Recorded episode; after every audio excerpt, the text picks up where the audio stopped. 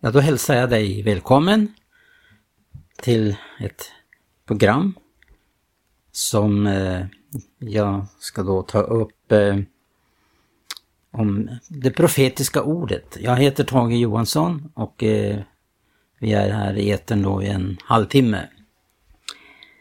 Det profetiska ordet, det är väldigt intressant avdelning i Guds ord. Eh, Bibeln egentligen är ju en skriven profetia.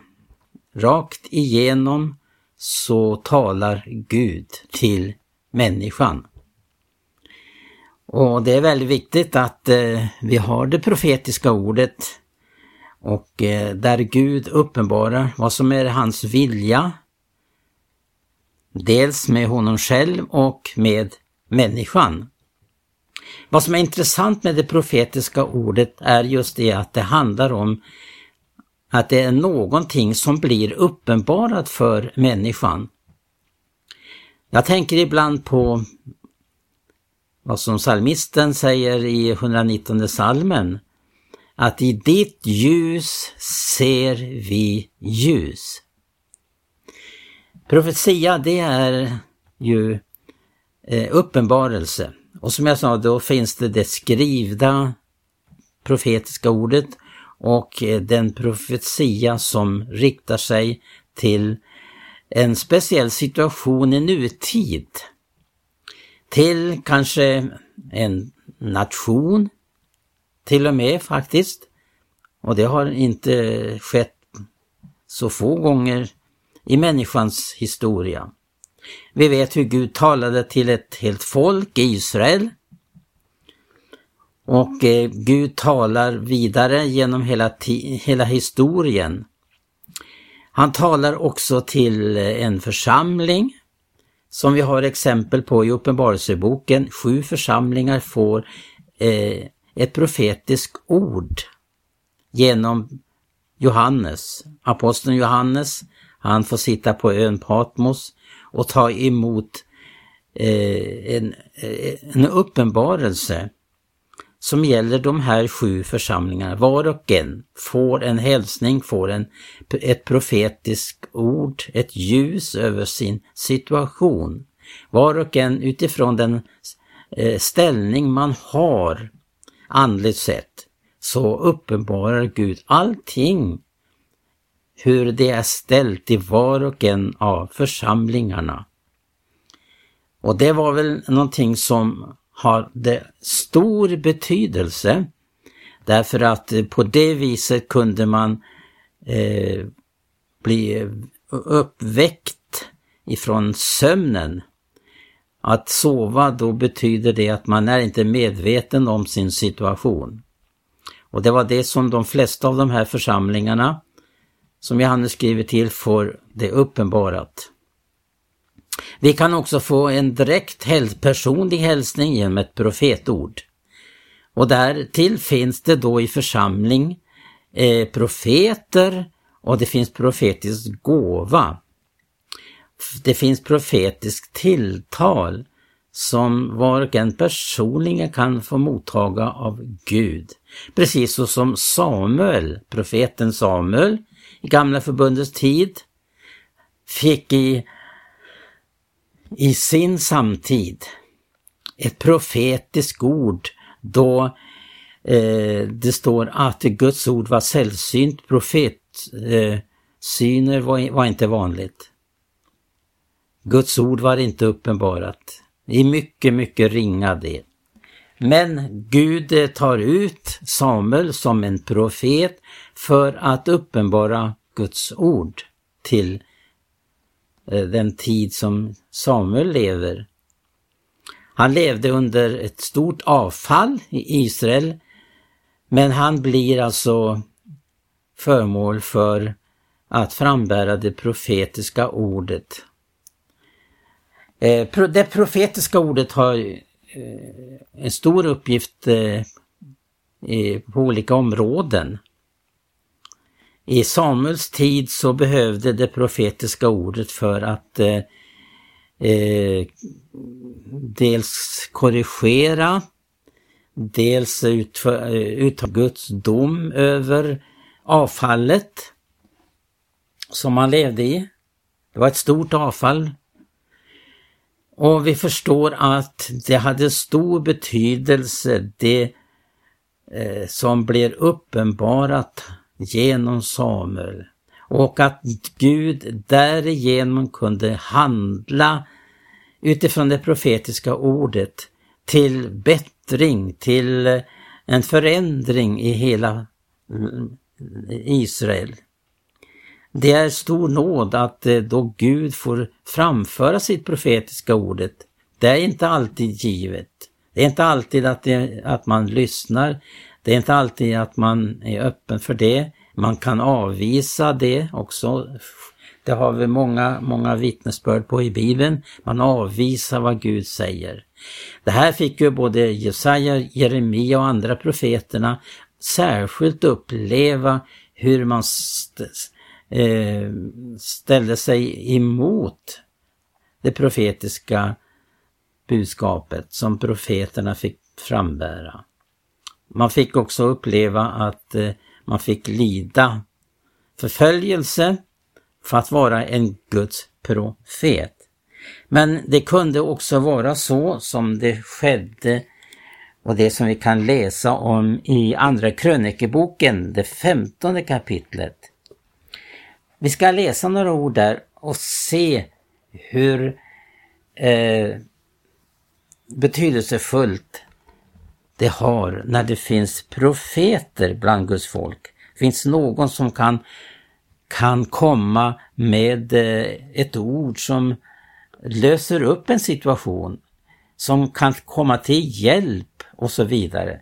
Men jag ber Gertrud som är med här eh, och läser Eh, de tolv första verserna i kapitel 15 i Andra krönikeboken. Varsågod. Ja, där står det så här. och över Asarja, Odeds son, kom Guds ande. Han gick ut mot Asa och sade till honom Hören mig du Asa och i hela Juda och Benjamin.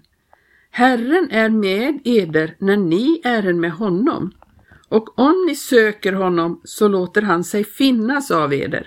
Men om ni övergiver honom så övergiver han och eder. En lång tid var ju Israel utan den sanne guden, utan präster som undervisade dem och utan någon lag. Men i sin nöd omvände de sig till Herren, Israels Gud, och när de sökte honom lät han sig finnas av dem. Under de tiderna fanns ingen trygghet när man gick ut eller in, utan stor förvirring rådde bland alla dem som bodde här i länderna. Och folk drabbades samman med folk och stad med stad, ty Gud förvirrade dem med allt slags nöd. Men vare ni frimodiga, låten icke modet falla, ty edert verk ska få sin lön.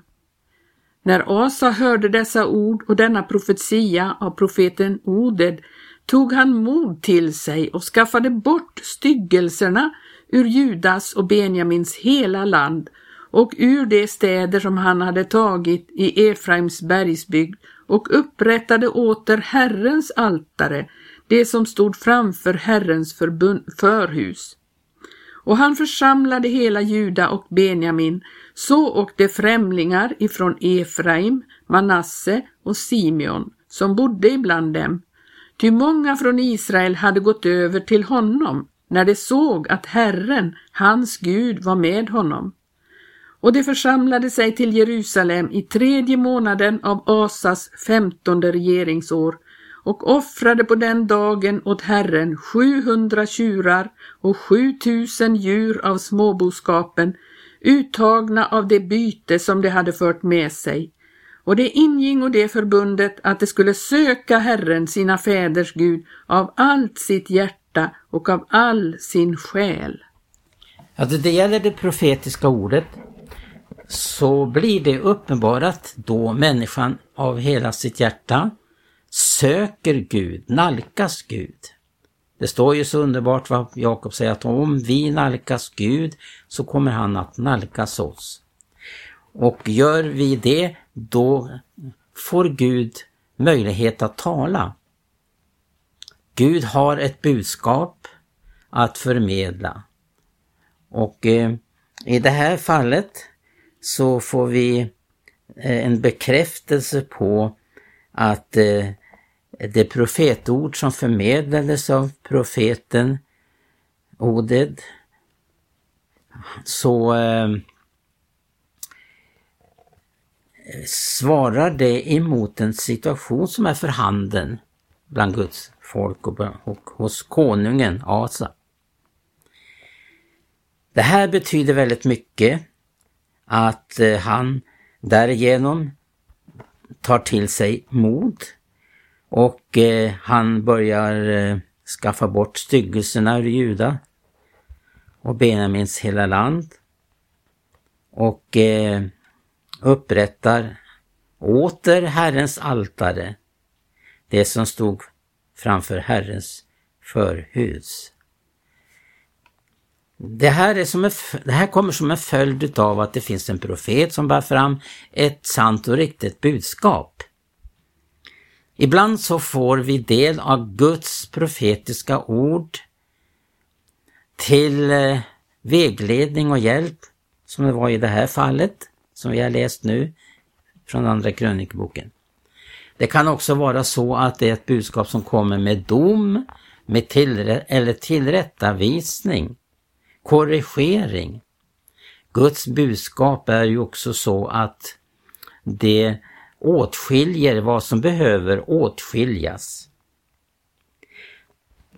Det är ju väldigt viktigt att vi får vara föremål för det profetiska ordet, att vi söker Herren att leva så i den helige Ande att den helige Ande får framföra vad vi behöver.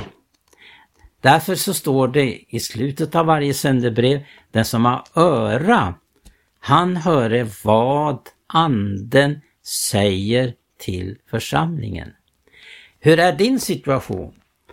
Har du fått eh, det profetiska ordet till dig så att du eh, är full eh, på det klara med hur din situation är? Som enskild person eller, eller en församling. Jag kan också ta exempel på hur Gud har talat till vårt land, Sverige, som nation då, har Gud talat i gången tid och uppenbarat ting som skulle ske och som också skedde. Ibland har det kommit ett profetiskt dombudskap och vi känner till, det, fanns, det har funnits profeter i gången tid som har framburit ett mycket allvarligt budskap. Jag kan bara här eh, i korthet nämna en så eh, sån profet som Birger Claesson som kom med uppenbarelse och som också blev erkänt att det var Gud som talade genom honom. Nu var det så att eh, det här ledde till en mycket förkrosselse och omvändelse så Gud fick ställa eh, den dom som skulle komma över vårt land på framtiden. Och det här det tänker man väldigt mycket på i våra dagar då vi förstår att nu är, rinner tiden ut och eh, det finns inte den förkrosselse idag som det fanns på Birger Claessons tid. Man sökte inte Gud. Jag har själv personligen träffat människor som var, under med, som var med under den här tiden. Det här skedde ju 50-talet och eh, det profetiska ordet skulle gå i uppfyllelse 53. Hans eh, två små skrifter då som blev nedskrivet så eh, av de här profetiorna, eller uppenbarelsen, det var en väldigt tydlig uppenbarelse han fick. Han kunde sitta som vi tänker oss, man sitter framför en stor filmduk och eh, se vad som skulle då komma att ske. Men han fick eh, verkligen bekräftelse på att det här kan inte någon människa framföra. Och eh, som sagt var så ledde det till en mycket djup förkrosselse. Man sökte Gud verkligen. Och man bad och bad. Eh, det som var med vid den tiden säger att det var en oerhörd förkrosselse. Det var oerhörda bönemöten. Och man gjorde bättre, för Gud sa ju också till Birger Claesson att om man gör bättring, söker Gud i bön och fasta, så ska jag sätta det här på framtiden. Gud talar, ja han talar om också inte människor aktar därpå. Men eh, eh, Bibeln talar ju verkligen om hur viktigt det är med det profetiska ordet. För där inte profetia finns, där, där blir folket tyglösa, står det. Man behöver det profetiska ordet för att vi, det ska för att det ord Gud uppenbarar genom profeterna och genom profetisk gåva, det ska komma oss till del så att det får utföra sitt verk. Gud sänder sitt ord och han verkar igenom sitt ord. Då Gud har uttalat en dom så går det i uppfyllelse. Gud talade till Nineve till exempel, vi har ett exempel där, hur Gud talar genom sin profet. Jona han blev den som fick gå med det budskap till den staden som gjorde bättring i säck och aska. Och där blev också den samma situation som jag nyss nämnde om vårt land, att det blev satt på framtiden. Ja, ibland så kommer också det profetiska ordet som en uppmuntran till oss.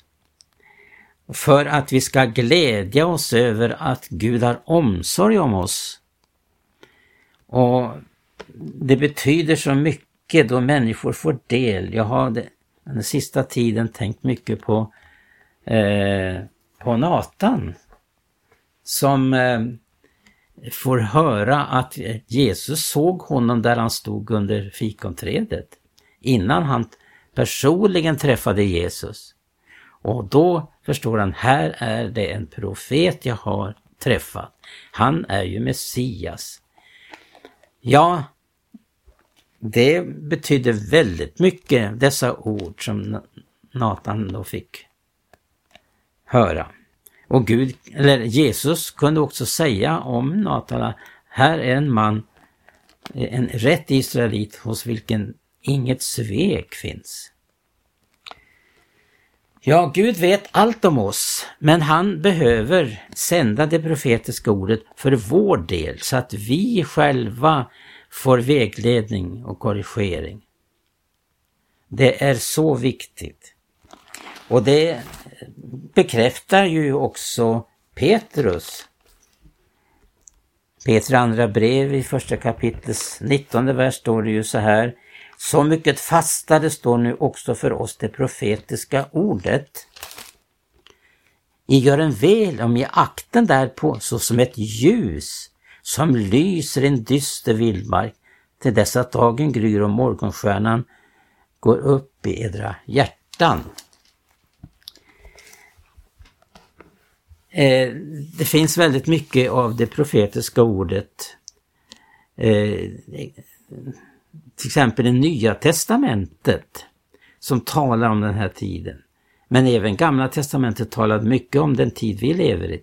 Ta exempel som Daniel som får skåda in fram i den tid vi lever och till och med i framtid för oss som lever idag. Uppenbarelseboken talar ju verkligen om den här tiden. Ja, Jesus talar också om den här tiden. Den här tiden som vi lever i talar hans då Jesus gick här nere på jorden så talar han om vår, den tid som vi lever idag. Han talar om att den här tiden ska bli lik Noas tid och Lots tid. Eh, det är en fruktansvärd kombination. Lot och Noa. Och eh, sätter vi oss in i det förhållande då de levde så är det ju en förfärlig tid. Men nu säger Jesus att så här ska det bli också. Och det är den tid vi lever i. Vi lever i så som det vore Noas tid och Lots tid. Vi behöver inte gå in på, men vi kan väl studera hur var det på den tiden? Hur var det i, i Sodom och Gomorra? Ja, vi får verkligen ta till oss det profetiska ordet och att det kan förmå att hålla oss vakna. För det är så viktigt att Jesus finner oss vakande och bedjande när han kommer och då får vi hjälp av det profetord som Jesus har uttalat om den här tiden. Talar inte också Paulus mycket om den här tiden vi lever i? Han, eh, han understryker väldigt kraftigt när han skriver till Timoteus att det må du veta. Alltså det, det är verkligen eh, mycket kraftigt understruket av Paulus. Det må du veta när han säger så. Och vad han ska veta? Jo, det må du, må du veta att de yttersta dagarna svåra tider ska komma. Talar om då hur människorna ska vara själviska, penningskära, stortaliga och så vidare och så vidare. Fruktansvärda förhållanden. Hur kärleken ska kallna hos de flesta. Och Jesus talar verkligen också hur det kommer att vara han själv säger, Jesus säger så här, skall väl människosonen när han kommer finna tro här på jorden. Tänk att det var en gudsman. Jag kan nämna det förresten. Ja, det var ju broder Levi Petrus som är känd av många. Han sa så här, att när det blir tyst om Jesu tillkommelse, då kommer han. Det är bland annat ett av tidstecknen när det är tyst om Jesu tillkommelse. Därför att när inte anden får komma till med väckelse och förnyelse, då blir det obekvämt att tala om Jesu tillkommelse exempelvis. Det passar inte in, man har slagit sig till ro, man sover så gott. Men väckelsens budskap väcker oss att vaka, vara redo att låta oss frälsas från ett ont och perverst släkte som det står i grundtexten. I denna världen så är det ett ont och perverst släkte som råder. Men ära vare Gud så kan han bevara våra kläder vita, för det måste de vara när, Jesus, när anskrit ljuder, när Jesus uppenbarar sig på skyn. Och vi ska inte låta oss så som den församling som det talas om att de hade fläckat sina kläder. Men tänk, det fanns några som inte hade fläckat sina kläder. Till dem säger Jesus genom Johannes att de skulle få vandra med honom i vita kläder. Det här var några allvarsord och ta vara på det profetiska ordet och eh, lyssna, lyssna till vad Herren har säger. Vi kan inte lita på en omgivning som vi lever i. Vi måste ha det profetiska ordet, ett budskap direkt från Gud till oss. I Jesu namn. Amen.